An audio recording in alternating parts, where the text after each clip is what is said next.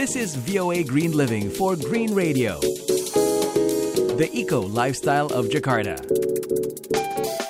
Halo sahabat Green, Kerang tiram anggasi di lepas pantai selatan di wilayah Australia Barat telah punah beberapa dekade yang lalu. Tapi program baru diluncurkan dengan tujuan mengembalikan kehidupan terumbu tiram dengan menciptakan struktur terumbu yang baru di dasar laut.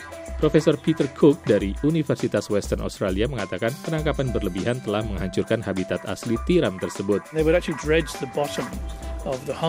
Profesor Peter Cook mengatakan mereka benar-benar mengeruk bagian dalam dasar laut di pelabuhan untuk menangkap tiram, tapi tentu saja mereka juga merusak semua struktur karang di sana.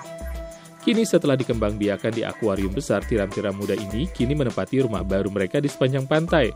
Harapannya adalah tiram-tiram itu akan melekat pada terumbu karang baru, memulihkan habitat mereka dan perairan di sekitarnya. So by restoring Oyster Reef into the harbour, what we will be doing is restoring Profesor Peter Cook mengatakan, jadi dengan mengembalikan terumbu tiram ke pelabuhan ini, yang akan kita lakukan adalah memulihkan kembali fungsi tiram untuk menyaring air, dan karena itu akan membantu menjaga kebersihan air.